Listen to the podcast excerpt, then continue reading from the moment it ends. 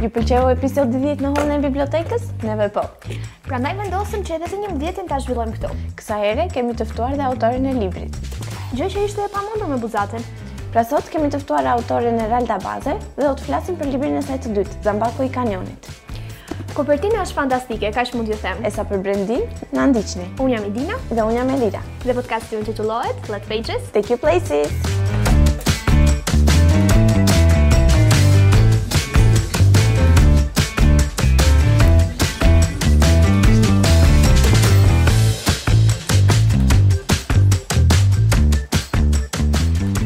Përshëndetje të gjithëve dhe mirë se vini në këtë takim. I urojmë mirë se ardhjen në radhë të parë shkrimtares Eralda Baze, mirë se erdhët në bibliotekën tonë. Për të prezantuar romanin tuaj të dytë Zambaku i Kanionit. Faleminderit për ftesën, mirë se ju gjeta.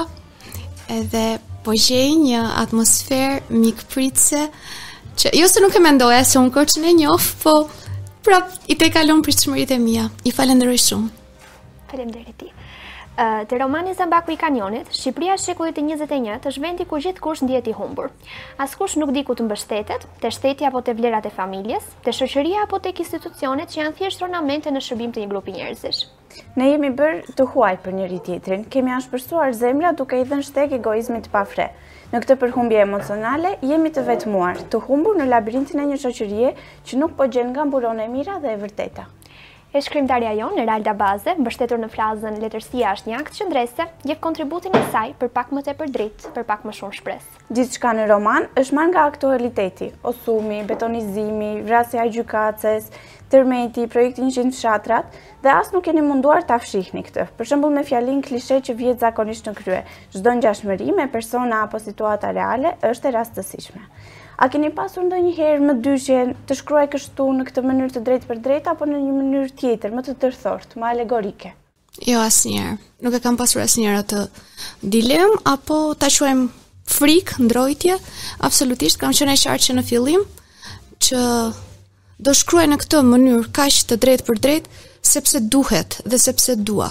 Përndryshe, siç është ajo thënia e njohur e atij gazetarit, do t'ishte PR, nuk do t'ishte as letërsi, as akt qëndrese, as akt guximi.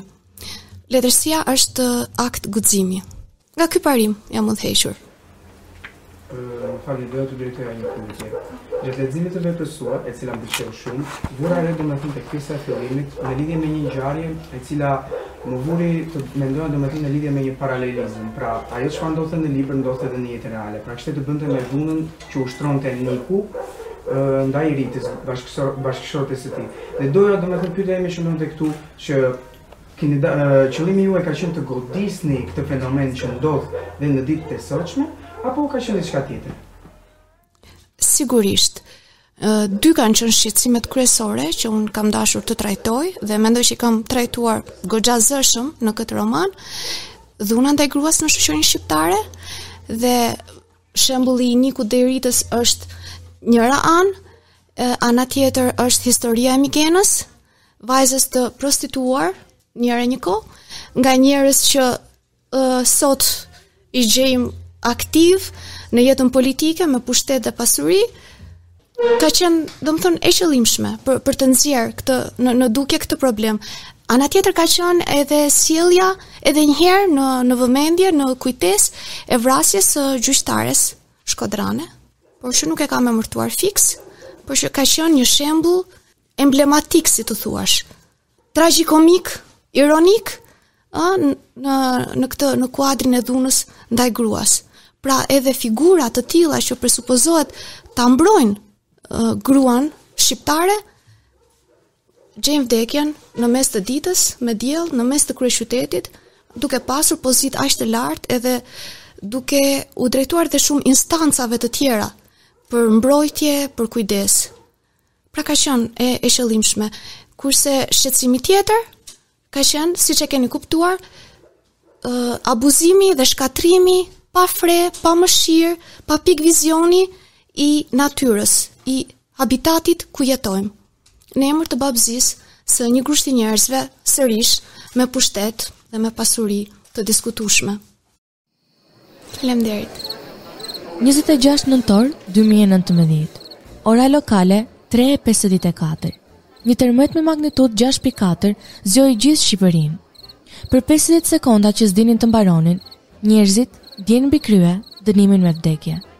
Në Shqipërinë e famshme për korrupsion, për herë të parë poshtë tavolinave nuk u paguan ryshfete, por u fshehën koka të shushatura, sy të trembur, zemra të ngjitura deri afër grykës nga lemeria. Pas shumë vitesh, shumë hallesh, rënie të rreme, bustesh e sundimesh, ky popull busullprishur, sorrollatur me dekada brenda të njëjtit kryqëzim, me sytë gjithmonë përpjetë, ndjeu t'i rrëshqiste toka nën këmbë. Ajo tokë, të cilën shumë e kishim braktisur. Edhe këta që i rëndonin akoma sipër dhe ishin grumbulluar pa mend e pa mëshirë në dy qytete gjithsej, nga maji në maj mallkonin lotarinë amerikane, pse nuk u dilte. Tani dridheshin ashtu të vegjël, të mjerë, rrënjëshkulur me fytyrat e gëlqerta dhe ndjenjën e heshtur të fajit në shpirt. Pas lëkundjes së parë, të gjithë u derdhën nëpër rrugë. Në Tiranën dhe Durrësin e përçudnuar me ndërtesa të larta, të ngjeshura, të shëmtuara, gjatë zallamahisë për të dalë nga pallati, ndodhi ajo që kishte humbur prej tridhjetë vitesh. Fqinjët po flisnin me njëri-tjetrin. Disa madje me këtë rast u njohën për herë të parë. Ca të tjerë, që ishin njohur falë hollësirave të pakëndshme të jetës së përbashkët në pallat, i harruan të gjitha dhe të përlotur pyesnin njëri-tjetrin, A je mirë? A pate dëme? Rita me Lilin mund të ishin në mos të vetmet nga të paktat fqinje që njiheshin. Gjatë leximit them të drejtën më është dashur për ta lënë shpeshherë përgjysmë për shkak të përshkrimit të hollësishëm të tërmetit. Lidhet ky përshkrim me ndonjë përjetim tuajin personal? Po, përjetimi ka qenë totalisht i vërtetë, personal, por uh, mos të ngatërrojmë përjetimin me ngjarjet. Domethënë, ngjarjet ti mund t'i trillosh, mund t'i lidhësh, mund t'i koklavitësh, ajo është tjetër gjë. Ngjarjet nuk janë personale ose të jetuara nga unë, autobiografike. Ndërsa përjetimi dhe përjetimet në përgjithësi, po, si për shembull, uh, ndjesia, trauma që uh, të lë tërmeti pas, ndoshta ju këtë nuk e keni ndjerë, por ne atje u lëmerisëm goxha. E kam e kam ndjerë dhe më është dashur kohë gjatë edhe pas për ta për ta kapërcyer. Edhe ato paslëkundjet, domethënë ishin uh, një traumë, një alarm më vete. E, edhe përjetime të tjera të natyrës, për shembull, kur humbet një njeri të afërm, pak rëndësi ka historia, historia aty është e trilluar subjekti, pak rëndësi ka se si koklavitet intriga, si e ke humbur atë njeriun, por përjetimi, kur e humbet një njeri, apo kur, po themi, humbet një dashuri, apo kur, kur përjeton, çfarëdo lloj ndjesie, ashtu të tjera, këto janë, sigurisht personale dhe mendoj janë universale, janë janë njësoj për te të gjithë njerëzit, pavarësisht sa sa ndryshe jemi. Pra përjetimet janë personale, kurse ngjarjet janë uh, fiction të sajuara. Përshëndetje, unë jam Roxana, Uh, dhe mua fillimisht përshtypje më bëri uh, titulli. Uh, në fillim ma mendova se ndoshta ishte thjesht një titull për të tërhequr lexuesin, por më pas duke lexuar zbulova lidhjen. Lili, Lilium Candidum dhe Lili protagonistja e romanit. Zambaku që në titull, Zambaku në foton tuaj në kopertinë, Zambaku në çdo ndarje kapitulli. Zambaku është fjala e fundit uh, e protagonistes. Cila është rëndësia simbolike e kësaj luleje në roman? Faleminderit për pyetjen, shumë e bukur. Uh, atëherë, Unë e kam quajtur zambaku i kanionit, në fakt është Lilium candidum dhe kjo lule rritet edhe në kanion, në faqet e kanioneve. Pra, i përshtatet shumë atij lloj habitati të ashpër dhe shkëmbor, po jo se rritet vetëm aty, rritet edhe aty. Por unë Kam dashur ta patronizoj, si të thuash, edhe ta emërtoj Zambaku i Kanionit, për shkak se ngjarjet i kam vendosur aty buzë Kanionit dhe për shkak të cilësive që ka kjo lule në vetvete. Nëse e keni parasysh, edhe nga fotoja që unë e kam ekspozuar Enkas aty, ajo është një lule e bardhë, ë, e bardhë, duket e brishtë, është shumë e bukur, ka aromë shumë të mirë. Por, ë, aq sa e bardhë, aq sa e brishtë duket, aq edhe rustike është ajo si si bimë. Është shumë rezistente sepse rritet pikërisht në një mjedis natyral të vështirë. Dhe ë çfarë Çfarë e bën atë që që të mbijetojë ose të jetojë për bukuri në në atë habitat të vështirë, janë pikërisht rrënjët. Ajo ka rrënjë të forta edhe të thella në në truallin e ashpër atje ku mbin dhe kjo është e gjitha një metaforë ose një alegori për të thënë edhe përveç mesazhit që gratë shqiptare për mua sinqerisht pa patetizma janë të gjitha zambak kanioni, pra janë të bukura, të brishta në dukje, por kur jua do jeta, nevoja janë dhe po aq rezistente, po aq burrnesha. Edhe gjithashtu nëpërmjet kësaj lule, siç thashë te rrënjët, dua të jap edhe mesazhin që Brezi i sotëm duhet të mbajë lidhjen me rrënjët, me të shkuarën e vet, me historinë e vet, me traditën e vet. Pra përfshin ë uh, mjaft mjaft gjëra në vetvete kjo lule për mua. Ka ka shumë domethënie. Pse duhet t'i krahasojmë gratë me burrnesha? Pse duhet t'i krahasojmë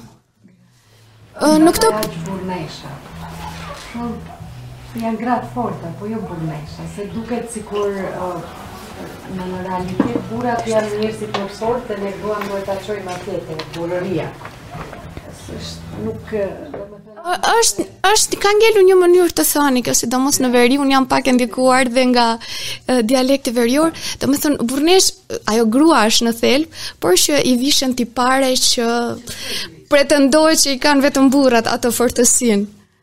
Por për momentin, duke qenë se po kalojmë vërtet një një krizë shoqërore shumë të thellë, edhe personazhet që unë trajtoj në në libër kanë secila ato traumat e tyre, herë të dukshme, herë të brendshme, të padukshme, edhe duket sikur e kanë të, të nevojshme edhe një një dozë burrnie në thonjza për për të mbijetuar. Përshëndetje, unë jam Ivana. Uh, unë gjatë leximit u përballa me një botë dhe me një realitet të dhimbshëm, me babëzi ndërtuesish, me grykësi politikanësh, me injorancë, servilizëm, zhgënjime bashkëshortore, problematika këto të cilat vënë edhe në pikëpyetje të ardhmen e shoqërisë. Personazhi thërret, natyra po shkatërrohet, mikpritja sa po vjen dhe po zbehet, njeriu po bëhet më i vogël dhe më egoist, më pak zemërgjerë dhe më pak miqësor.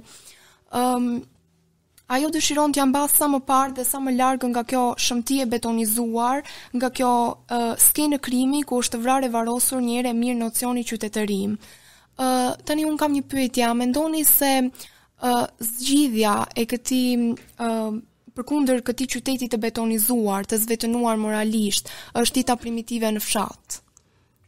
Atëherë, e para unë jetën, prim, jetën në fshat nuk e shoh si primitive, po të më pyesësh mua, përkundrazi është shumë romantike, Është shumë e shëndetshme, si nga ana fizike, ashtu dhe nga ana shpirtërore, është shumë qetësuese, edhe krahasuar me, me qytetet, unë gjithmonë vë në qendër Tiranën, aty, asaj i referohem, është për mua është një qytet i, i varrosur në beton tashmë, Pa kthim, edhe këtu s'ka fare vend, domethënë, për, për iluzione, për optimizëm të kotë, dëmi është bërë, është i pakthyeshëm.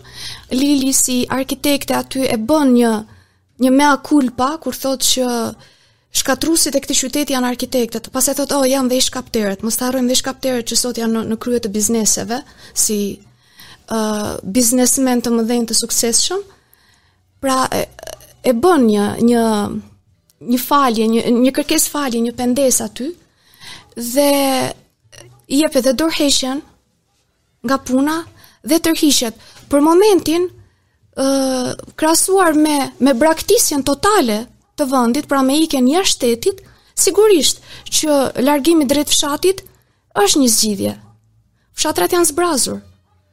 Natyra është braktisur atje ku duhet mirëmbajtur, edhe është shkatërruar, është shfrytëzuar po prapë atje ku duhet mirëmbajtur. Pra e kemi e kemi humb atë ekuilibrin me natyrën, me fshatin dhe sigurisht për mendimin tim edhe për mendimin e protagonistes aty, sigurisht që krahasuar me, me emigracionin pa kthim fare, emigracionin jashtë shtetit, patjetër që ikja në fshat edhe parja edhe një herë e situatës nga larg në distancë me me kthjelltësi është është një zgjidhje. Pa diskutim që është një zgjidhje. Pastaj ajo është një njeri, domethënë intelektuale që përpiqet që edhe aty në fshat ta vërë mendjen në punë edhe të jetojë, të, të shfrytëzojë natyrën, por me, me kujdes, me respekt, pa e shkatërruar. Pra të marrë të mira dobitë e natyrës, kur jep atë idenë për bimë medicinale e të tjera, ne mund të jetojmë fare mirë prej natyrës, falë natyrës, por pa e shkatërruar, si si të babëzitur. Kështu që po më duket një zgjidhje. Eh, sa shumë kam humbur. Mendon Lili me vete, teksa sodit e heshtur që nga Lakorja e Flamurit. 110 metra poshtë këmbëve të saj, rrjedh Osumi, si një vazhdë gjaku blu përgjatë kësaj prerjeje cezariane gjigante. Bukuria e lindur prej saj duket e një tjetër bote. S'kishte faj Rita që u mbajt fort pas parmakëve të ballkonit qëparë. Shpatet që lartësohen në të dyja anët e lumit, me hijeshinë e tyre mund t'u sjellin gojën memecëve dhe t'ua kyçin poetëve.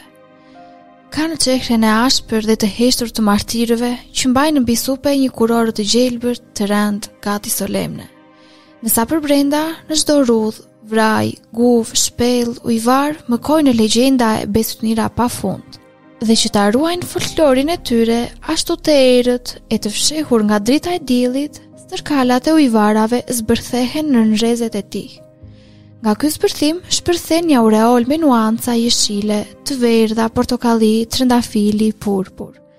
E shkuara e gdhendur në ato faqe të thepisura mbulohen nga ylberi dhe vdekatari i zakonshëm mund të dëgjojë vetëm pëshpërimat në këtë mbështjellje surreale. Lili me shallin e madh që ka hedhur krahëve e ngre në ajër me kujdes, me majat e gishtave dhe e ngjyen në atë larushani ngjyrash. Shalli kthehet në një vepër arti ebru. Eh, kësaj magjie mezi i reziston edhe vetë Lili. Përshëndetje, unë që më që e meni. Siç e tha edhe shoqja, arkitektja Lili ngre një nga problemet më të mprehta, atë të shkatërrimit të natyrës dhe të trashëgimisë kulturore të vendit.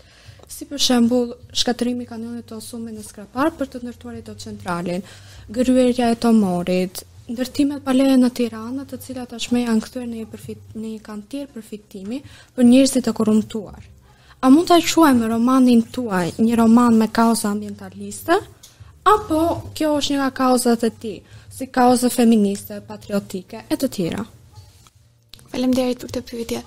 Po, është njëra nga kauzat që unë i kam për zemër. Ë, uh, mbrojtja e natyrës është njëra. Ë, uh, qëndrojnë dhe ato dy të tjerat që the, kauza për mbrojtjen e të drejtave dhe statusit të gruas në shoqërinë shqiptare, edhe pa diskutim edhe kjo ana patriotike, Unë e kam thënë dhe herë tjera, unë jam për atë patriotizmin e vogël, jo për atë pompozin, atë demagogjinë e madhe të fryrë, të niveleve të larta, që e, e përdorin thjesht si, po themi si gargare, për të shplarë gojën sa herë që kanë fushata.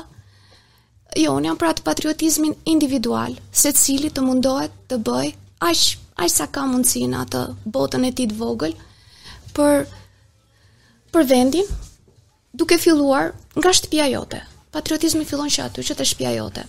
A ke mundësi ta mirëmbash shtëpinë, po themi, të babës, të gjyshit, mos i lësh djerr mbrapa edhe të ikësh pa e kthyer kokën hiç. Pastaj si i ke vënë në terezi ato punët brenda pragut, dil edhe jashtë pragut. Shiko rreth e rrotull, atij komunitetit të vogël që të rrethon një. Çfarë mund të bësh aty? Mund ta vësh një gur në vend vendose. Mund mund të pastrosh ca ferra. Mund të pastrosh mjedisin, mund të mbjellësh një një lule. Mbille. Besoj shumë më tepër te ky lloj patriotizmi, edhe kam prova konkrete që funksionon, është efikas, ngjit Domethënë sepse shkon direkt nga zemra në zemër. ë uh, para u bë goxha tani një vit, një vit e gjysmë ndoshta, pikërisht për këtë libër unë kam shkuar në Tudas për vizitë. Thashë një herë dy herë do më mjaftojë vizita atje. Uh, fiks tek kisha e Shën Triadhës në Tudas, por që unë e quaj tani kisha e Kiranna Muzakës. Mirëpo, ai vend qe një këshu një kurth magjik, Unë shkova një herë edhe ngela atje tashti ku di unë sa herë kam vajtur me dhjetra herë. Dhe duke shkuar përveç se ka atë uh, atë shqetësin, atë braktisjen, atë misticizmin kështu tërheqës, gati magnetik, uh, të shkakton edhe edhe një dhembshuri, Edhe edhe një lloj deja vu, nuk e ekzagjeroj, të duket sikur ke qenë më përpara. E, duke qenë atje sigurisht nuk kam shkuar vetëm, aq larg, në terren aq të vështirë, kam qenë me një grup miqsh që kam shumë për zemër dhe kemi filluar kështu me dorë me këmbë të hapim tokën, vendin, të largonim ca ferra sepse ishte krejt i braktisur dhe kemi zbuluar kaldrëm, kaldrëmin e vjetër që i takonte udhës së vjetër të karvaneve që vinte nga Berati e dilte në Korçë. E ka qenë një rrugë shumë e rëndësishme tregtare për krejt Shqipërinë e Juglindjes. Dhe aty pastaj E po qemë si mendim që ta nxirrnim në pah sa të mundnim kalldrëmin e vjetër dhe nxorëm 83 metra kalldrëm të vjetër.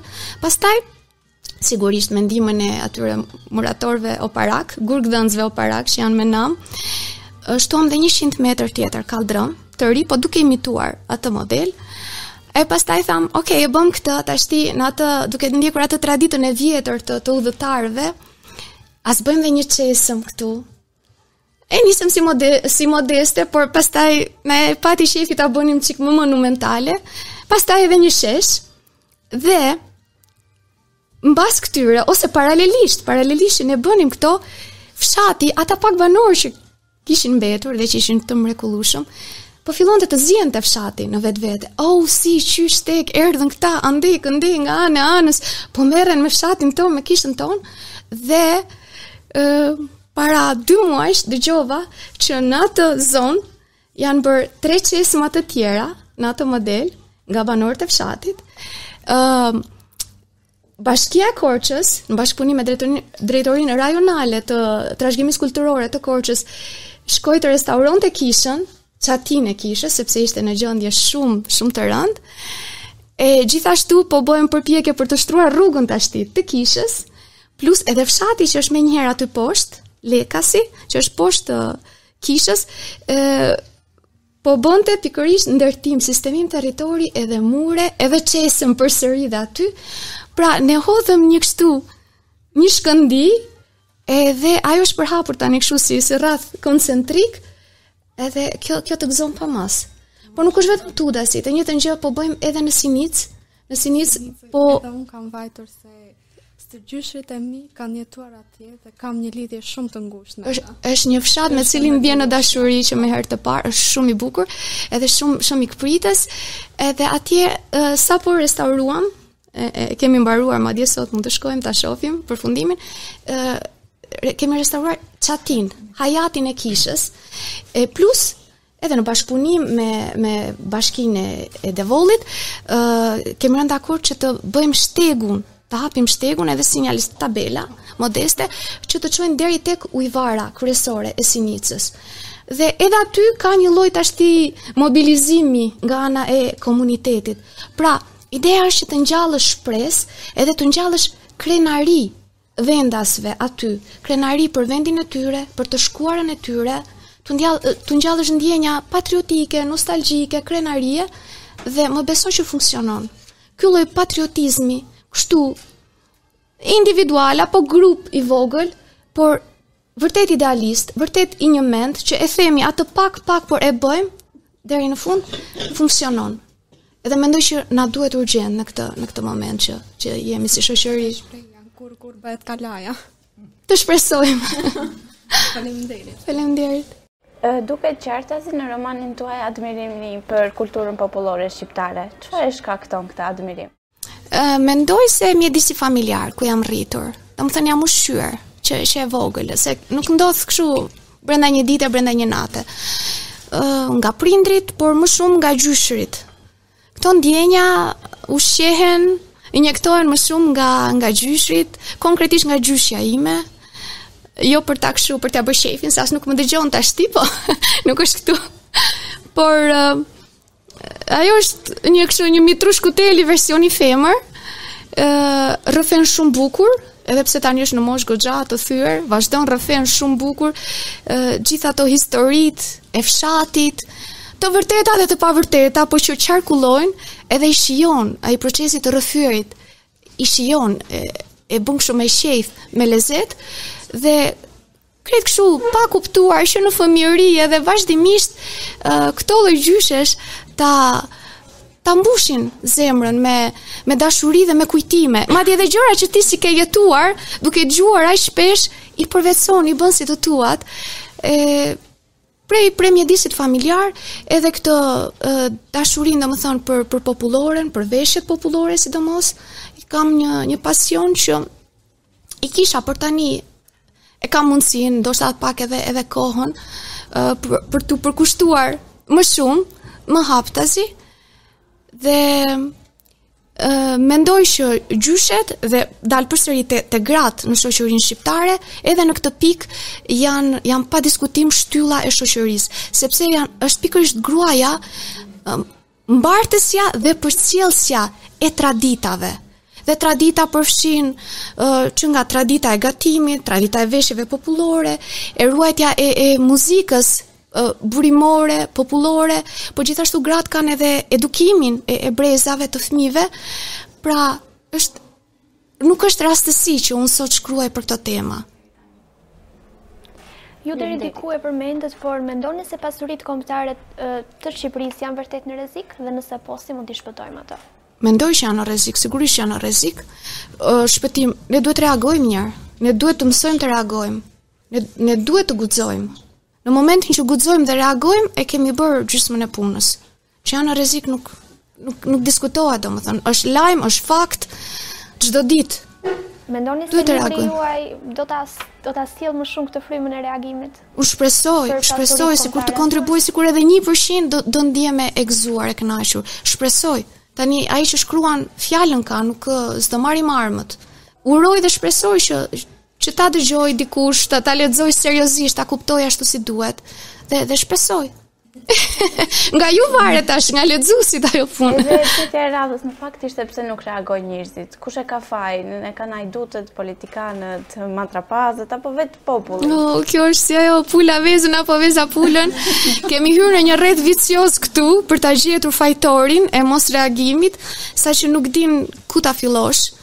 Por mendoj që populli është zhgënjyer shumë këto 30 vite, sepse ka parë kauzat e tij, shumë të rëndësishme te të cilat ka besuar fort që i janë shitur, i janë shitur një nga një publikisht në mes të sheshit. Është ngritur një herë, dy herë ka reaguar, ka parë që është shitur, është tradhtuar nga vetë të zgjedhurit e tij dhe tashti ka i ka vdekur ky Nervi fare, nervi qytetar, nervi reagues. Kemi kaluar, domethënë, nga ai njeriu i ri socialist në një njeri allasoj të tranzicionit, që mund ta quash shumë gjëra, mund t'i vësh shumë epitete, njeriu tallava, njeriu pa nerv, njeriu TikTok, nuk e di ma, domethënë, se çfarë Por që është ndjerë i tradhtuar, edhe tashti e lë veten kështu edhe ato parimet ideale që mund të ketë besuar dikur, i lë kështu si në, në rënie të lirë tashti.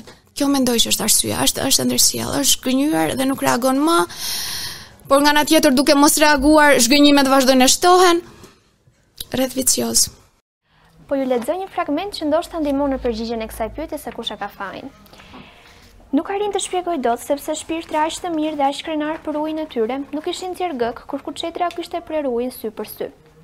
Ndoshta, ngaqë nuk e kishin konsideruar kuçedër, ngaqë e keqja nuk u kishte ardhur si gogol i huaj nga larg, siç vjen në përralla. Ngaqë e keqja sot vjen me fytyrë njeriu që flet gjuhën tënde. Me një gjuhë shumë lajkatare madje kur ka votime.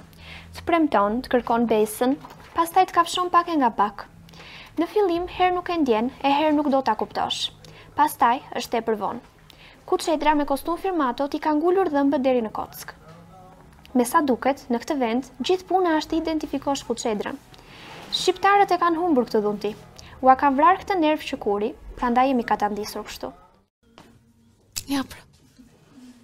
Kjo është vjen pikërisht nga ata që ka si të zgjedhur, si të besuarit e tij, është është shitur, është tradhtuar. Jo, nga jashtë nuk është faji, jo. Brenda për brenda e kemi, mes nesh, ai thjesht qarkullon, domethënë, nga populli te të zgjedhurit e popullit dhe anasjelltas. Doja të pyesja, pa, po. gjatë leximit në roman, vura re që ju përdonit shtratin e Osumit e krahasonit me një prerje cezariane gjigante. Pse përdore pikërisht këtë termin mjekësor? A, aty e kam fjalën për kanionin. Kanioni duket pikërisht kur e shikon nga sipër, duket ngaqë është si është ndarja e tokës, gërryerja për shkak të erozionit e tokës në dy pjesë, edhe nga sipër duket vërtet si si prerje, kështu cezariane me bisturi dhe prej aty derdhet ose rrjedh ai currili blu i Osumit, pra. ë uh, nënkuptoj kështu si gjak mbretëror. Për të thënë që është një një bukuri përtej kësaj bote, për ta idealizuar pak. Jam prej andej edhe e teproj një çik, domethënë kur, kur flas për Osumin. Uh, edhe unë kisha një pyetje, uh, ju jeni nga Skrapari, por gjatë leximit të librit vura re se personazhi i romanit përmendte shumë krahina të Korçës. Për shembull Oparin, Voskopojën, Moglicën, a ka ndonjë lidhje midis jush dhe Korçës?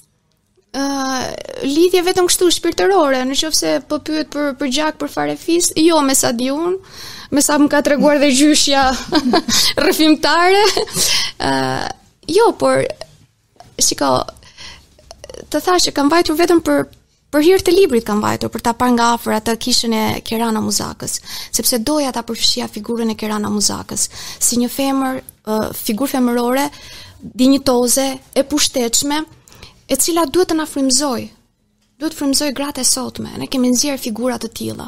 Mjafton të të kthehemi siç thashë edhe një herë te historia te shkuara dhe kemi plot figura femërore që të na frymëzojnë, që të marrin frerët e, e, e jetës apo të të karrierës, të vendimeve tona sot.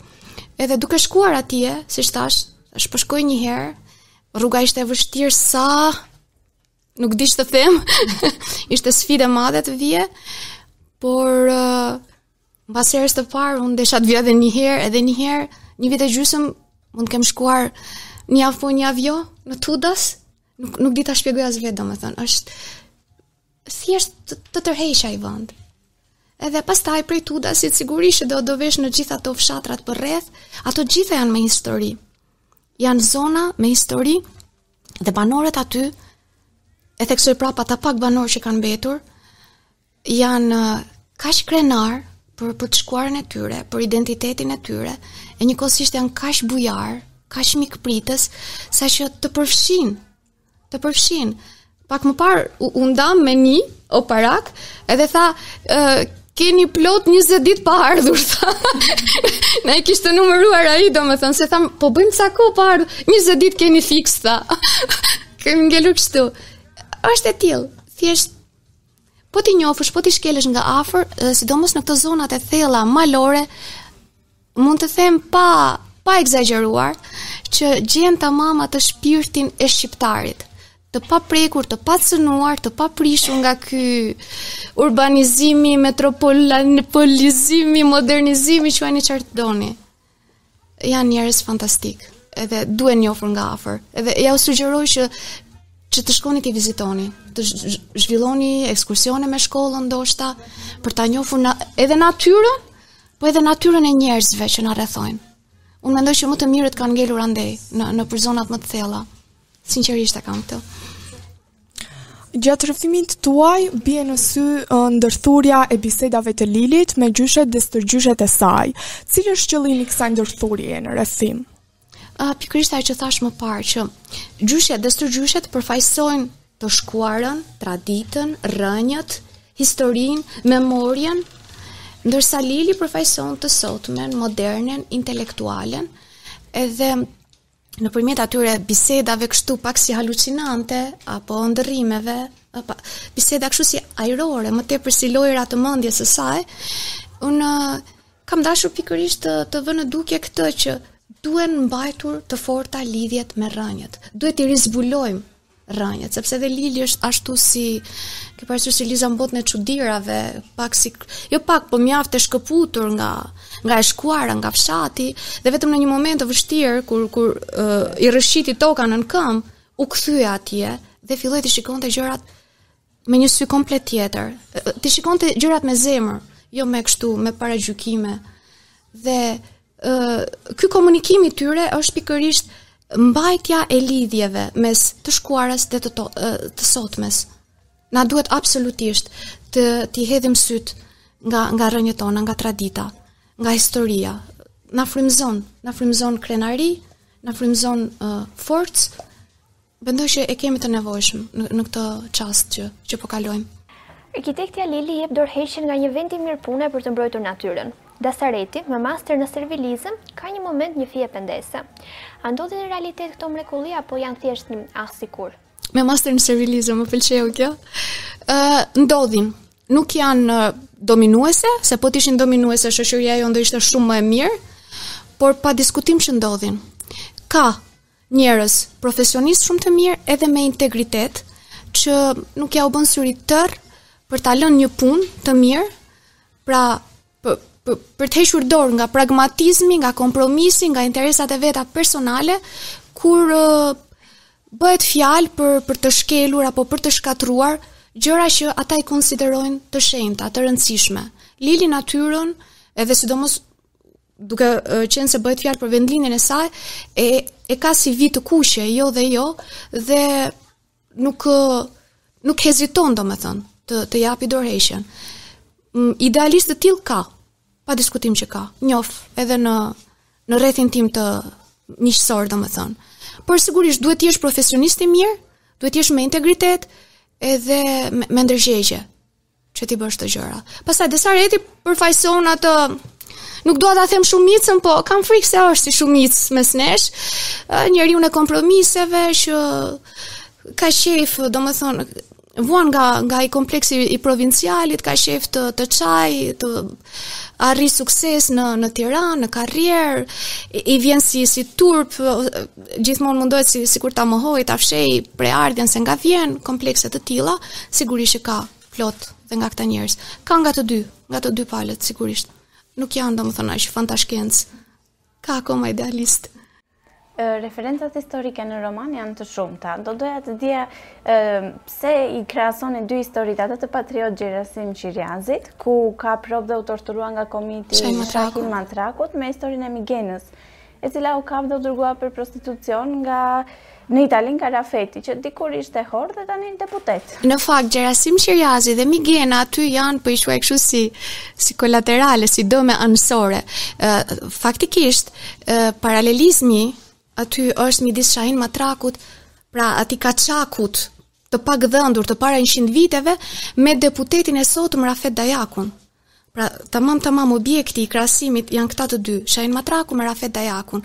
Edhe ai kaçaku i pagdhendur që jetonte se mos më keq maleve, ë, domethënë si gati si egërsirë, sepse ashtu ishte, ishin kushtet e jetesës e gjitha rrethanat e tija, ë, edhe ai prap në disa momente del më fisnik, më njerëzor se sa Ky model i allasoj i deputetit të sotëm, Rafet Dajaku, injorant, i paarsimuar, me të shkuar të errët dhe me lidhje akoma sepse nga e shkuara nuk është se shkëputesh më me lidhje akoma, domethënë me, me botën e, e krimit.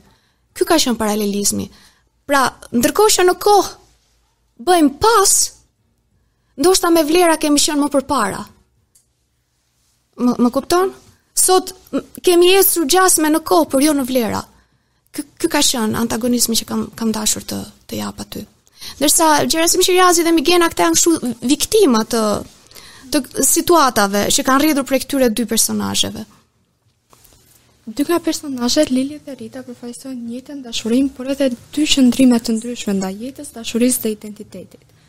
Po roli i Gentit cili është, sepse me atë romani merret përciptazi, apo thjesht lidh dy fatet e grave midis tyre? Lili dhe Rita apo Lili dhe Migena? Se Genti ka lidhje me këto dyja, po. me Lilin dhe Migenën, këto janë po. shemrat. Atëherë, Genti, Gentin, ok, e rrëfej këtu. Konfesoj që e, e kam përdorur paksa si mjet uh, për të për të bërë lidhjen mes këtyre dy personazheve, por nuk është thjesht kështu mjet mjet pa asnjë lloj. Ai përfaqëson gjithë përsëri të, të jemi të vetëdijshëm që ai përfaqëson një pjesë të burrave shqiptar që sot që bëjnë jetë të dyfishtë. Mos bëjmë sikur këto gjëra s'ekzistojnë, sikur po lexoni për herë të parë në librin tim. Ka burra shqiptar po që bëjnë jetë të dyfishtë edhe e di gjithë mëhalla. E di dhe gruaja vetë dhe për arsye krejt po pragmatiste, nuk nuk divorcohen. Ka edhe martesë, ka edhe lidhje jashtëmartesore. Shefi të Lilit. Po, Pra po. Po sidomos këta të, domethënë, të të, të pasurit e kohëve të fundit, po. Kështu që përfaqëson edhe ai goxha një shtresë të, të madhe të shoqërisë, por e kam përdorur dhe si mjet kështu artistik të themi për të futur në ndërveprim pastaj Lilin edhe Migenën. Faleminderit. Si ia keni dalë të ndërthurni aq lehtë dhe natyrshëm kalimin nga një qytet te tjetri, nga një botë te tjetra, domethënë duke ndërthurur njëkohësisht dhe shumë personazhe? Atëherë, nga një qytet në tjetër, unë i kam shëtitur ato vende, siç thashë për Tudasin thashë, po ashtu edhe për Gramshin. Që e përshkruaj aty. Jo, dhe jo vetëm qytetin, po kam marrë dhe malet nëpër Gramsh. Malësitë, Sulovë, Tomorricë, Shpat, Vërçë, edhe e jo kështu me rroba komode, po me, me veshje popullore që peshonin nga 10 kg. Kështu që i, i kam i kam shkelur, i kam njohur. nga afër, edhe i, i kam ndjerë, u jam qasur vetë nga afër personalisht atyre vendeve. Ë personazhet nuk është fare problem për të gjetur personazhe. I ke rreth e rrotull, por sigurisht duhet të jesh kështu pak skuth. t'i shikosh, t'i studiosh edhe të, të kapësh domethënë ato vetitë interesante nga nga pikëpamja letrare që që ty mund të të duhen për të krijuar personazhet e tua. Shiko, realiteti shqiptar është shumë frymëzues, është shumë pjellor me me tematika dhe problematika. Edhe të jesh vëzhgues shumë i hollë nuk nuk është madje e nevojshme, sepse ato të të përplasen para syve. Personazhet, ngjarjet, skandalet, Besoj se jo pa qëllim personazhet e romanit janë njerëz me prejardhje, edukim dhe fe të ndryshme. Pyetja ime është, çfarë i ndan dhe çfarë i bashkon personazhet e librit, pra dhe shqiptarët në të njëjtën kohë, prejardhja, arsimi, feja apo paraja? Shumë faleminderit që ke kapur këtë aspekt. Po, qëllimisht i kam uh, paraqitur ashtu me prejardhje të ndryshme, domethënë gjeografia aty është nga jugu në veri, është e përfshirë, po ashtu edhe fetë, jam munduar të të gjitha këto kryesore zyrtaret janë aty prezente, këto janë ato që i ndajnë në dukje, prejardhja, dialekti, besimi. Ndërsa ajo që i bashkon është pra në thelb këta të gjithë janë njerëz. Kaq mjafton për t'i bashkuar. I bashkon njerëzorja brenda tyre dhe i bashkon edhe e keqja. Pra në fillim ajo e keqja natyrore që ndodhi tërmeti, Atëherë njerëzit solidarizohen shumë, u del në pah ajo anë që në kushte normale as as e dinin që e kishin. Edhe edhe të këqijat e tjera me mynxyrat e tjera jo natyrore. Pastaj që vijnë siç thashë nga Rafet Dajakët e nga Dine Dacët e nga këto figurat e tilla të shoqërisë shqiptare. Mesazhi përfundimtar është optimist apo pesimist? Ndryshe. 50-50. 50-50, mua nuk më pëlqen të mashtroj. Atëherë, faleminderit prap pyetje shumë e bukur. Uh, libri mbyllet aty mbi varrin e Migenës. Të, janë të treja grat plus edhe Teuta e vogël duke i rregulluar ato zambakët e kanionit që ja kanë mbjell aty te varri. Ëh, uh, Pra jepet kjo ana e dhimbshme ku jemi. Jemi buzë varrit si shoqëri. Realisht, jo jo për të për të shpallur unë kështu ndonjë apokalips, por unë kështu e ndjej, e kam shqetësim vërtet këtë punë. Ë uh, jemi në buzë të varrit si shoqëri, e, por prap ajo prania e e teutës e brezit të ri aty, aty embrionit aty, ë uh, jep shpresë dhe fakti që këto gra janë solidarizuar të gjitha, domethënë, janë bërë bashk pavarësisht ndryshimeve vendasive që që mund të kishin me njëra tjetrën, ë uh, e kemi në dorë vetë si shoqëri tashti. Në qoftë se solidarizohemi, në qoftë se e dëgjojmë njëri tjetrin kështu nga zemra në zemër, jo kot uh, duke parë me sy apo duke komunikuar vetëm kështu me me foto, me video si përfaqësore TikToku, jemi akoma në kohë ta shpëtojmë veten. Mendoj që jemi aty 50 me 50. Prandaj e kam lënë dhe atë lloj fundi ashtu. Duhet të reflektojmë, duhet të reflektojmë shumë edhe sidomos nga brezi i ri kam shumë pritshmëri. Ë këto do e bën brezi i ri o nuk e di domethënë, tek të tjerë nuk kam, nuk kam shpresa, po që është një moment kritik. është një moment kritik. Shpresojmë. ashtu qoftë. Ashtu qoftë, ashtu qoftë. Niçja nuk ka jetuar në Shqipërinë tonë. Ky realitet e sfidon dhe Niçen. Le të shpresojmë. Le të shpresojmë po. Brezi i ri. Brezi i ri pikërisht. Çfarë mendoni se kërkon me këmbëngulje lexuesi i sotëm? Atë që ka kërkuar gjithmonë, përgjigje, mendoj unë. Kërkon përgjigje edhe po më kot i turret letërsisë, se letërsia jo që s'jep përgjigje, po përveç pyetjeve që ka vetë lexuesi, shton edhe pyetjet e autorit aty brenda. edhe bëhet një një mal me pyetje dhe pikëpyetje. Ë, uh, mendoj që kërkon përgjigje. Po letërsia të ofron vetëm këndvështrime të shumta për të njëjtin problem, për të njëjtin fenomen, aq sa personazhe ke në libër, aq këndvështrime ke aty. Edhe pastaj zgjidhe vet, gjeje vet një një të mesme. Pra, provo të hysh në lëkurën e të gjithëve atyre, a për të njëjtin fenomen dhe mundohu pastaj të ta, ta gjesh vet atë zgjidhjen, atë përgjigjen e mesme, të artë. Kjo mendoj se është marrëdhënia gjithmonë e lexuesit me letërsinë. Unë doja të bëja dy pyetje, por kanë lidhje me njëra tjetrën. E para, pse keni zgjedhur ëndrrën si mjet që të shkëput nga një realitet në tjetri, duke pasur parasysh që dhe ëndrrat në vetvete kishin shumë mjete realiste? Dhe e dyta, pse pikërisht figura e kalit në ato ëndrrat e tmerrshme që shikonte Lili, që e zgjonin të çorientuar në ankth? Ah, okay, okay, shiko. Ajo në ëndërr Por unë kam zbuluar më vonë nga ndoshta nga gjysma e librit, ndoshta pak më para gjysmës. Por jo që në fillim e kam lënë vetë ashtu qëllimisht pak si mjegull atë punë. Edhe libri hapet me me vargjet e Naim Frashërit. Unë kam thënë thjesht poezi e Naim Frashërit aty poshtë, sepse po ta thosha titullin, do e dekonspiroja që aty, do ia hiqja atë atë kureshtinë lexuesit. Bëhet fjalë pikërisht për poezinë Abaz Aliu, sepse e dimë që Naim Frashëri ka qenë bektashi. Dhe në ëndërr Lilit, intelektuales jo besimtare, krejt kështu indiferente, domethënë ndaj ndaj çështjeve fetare, i fanepset pikërisht Abaz Aliu, kjo figurë që në në fenë bektashie të zonës së saj, prej nga vinte Lili, është, është figura qendrore Abaz Aliu dhe i shfaqet pikërisht siç është ai miti bektashi që Abaz Aliu ë uh, pasi është vrarë në Qerbela, ka ardhur ka bërë atë fluturimin e tij shpirtëror më tepër se sa fizik, ë uh, hipur mbi një kalë të bardhë me flatra.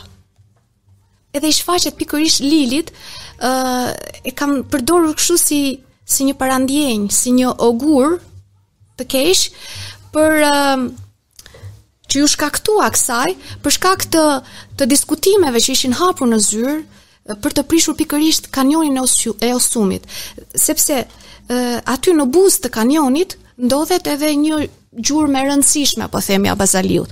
Tashti interpretojeni si doni, se unë nuk jam këtu për propagandë fetare, e, një njeri kështu racional jo besimtar i thotë thjesht gjurmë karstike dhe mbaron ai diskutimi aty, ndërsa për besimtarët bektashi ajo është gjurmë e lënë nga nga Abaz Aliu, edhe është edhe gjurma e kalit, është edhe gjurma e bastunit aty, është domethënë brenda një objekti të vogël, për këtë arsye. Pra, ky Abaz Aliu po vinte, po e bënte edhe njëherë këtë fluturimin me kalë në, në nëpër ëndrrat e Lilit, po e shqetësonte, po e trazonte edhe njëherë, uh, pikërisht për ta, për ta zgjuar, për t'i dhënë atë shtysën, që kjo të merrte vendimin tashti të, a të merrte pjesë edhe kjo në masakrimin e, e kanionit, apo të dilte në, në anën tjetër. Kjo ka qenë, kjo është lidhja, domethënë, kjo është arsyeja pse e kam përdorur. Po më vonë e kam zbuluar. Ja kam paraqitur dhe si rojen e lakores panoramike, sepse ashtu quhet vendi. Kam kam dashur të jem realiste, domethënë, besnike ndaj uh, emërtimeve, ashtu quhet ajo, lakorja panoramike e flamurit aty, vend soditje për të parë kanionin, dhe ky që i fanepset, sikur është roja, që herë duket, herë ikën, fshihet, humbet dhe kjo vetëm më vonë ftillohet sepse është aq e painteresuar ka qenë për për fenë, për besimet, për besëtytnitë e zonës aty, saqë vetëm më vonë i bie në të, domethënë që oh, ky paska qenë, si thua, ai imazhi i Abaz Aliut, kjo ka qenë qëllimi. E dekonspirova. po me Naim Frashërin lidhet përmendja e poezive të tij, lidhet vetëm me pjesën fetare, apo kini dhe ju ndonjë lidhje të veçantë me Naim Frashërin si O do doja shumë por jo. do doja shumë jo, por jo nuk. Pikë inspirimi, frymëzimi për Sigurisht, ai është një poet i dashur për mua.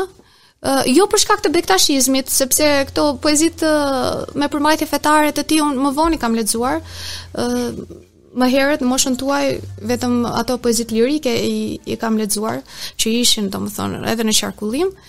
Ngelet një, një poet i dashur, jo thjesht lirik, por uh, patriot.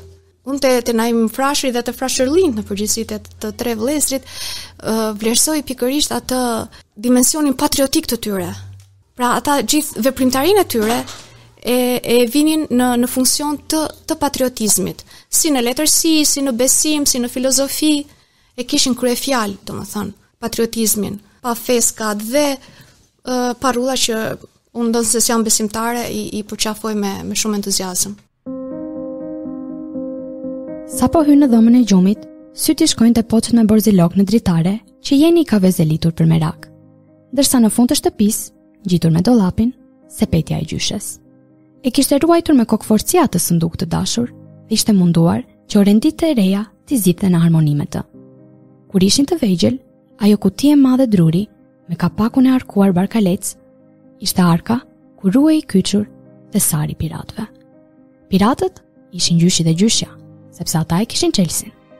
Hapja e sepetes duhej fituar, nuk kishte llafe.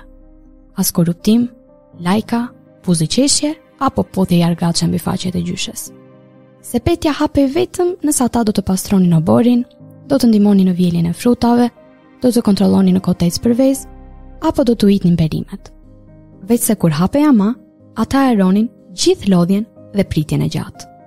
Me shirita lecke lidhur mbi ballë dhe copa druri, që i quanin krenarisht shpata në duar, ata bëheshin gardh rreth gjyshes pirate të zënë rob dhe prisnin triumfues hapjen e thesarit.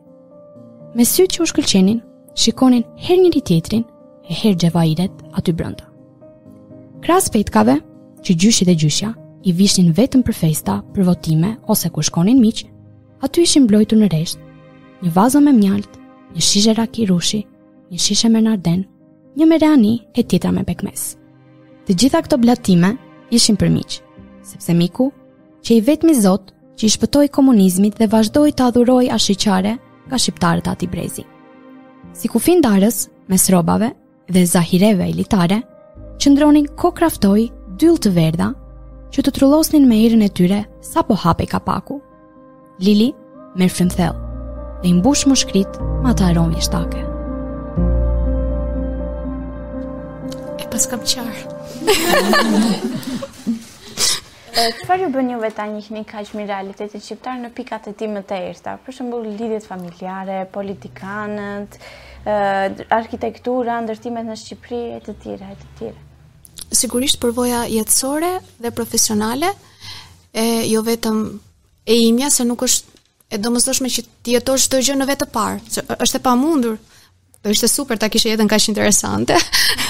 është e pamundur që ti të përjetosh gjithë ato ngjarje, gjithë këto skandale, të jesh gjithmonë i pranishëm, por edhe nga nga biseda me me miq të rrethit tim që janë sërish në të njëjtin zanat.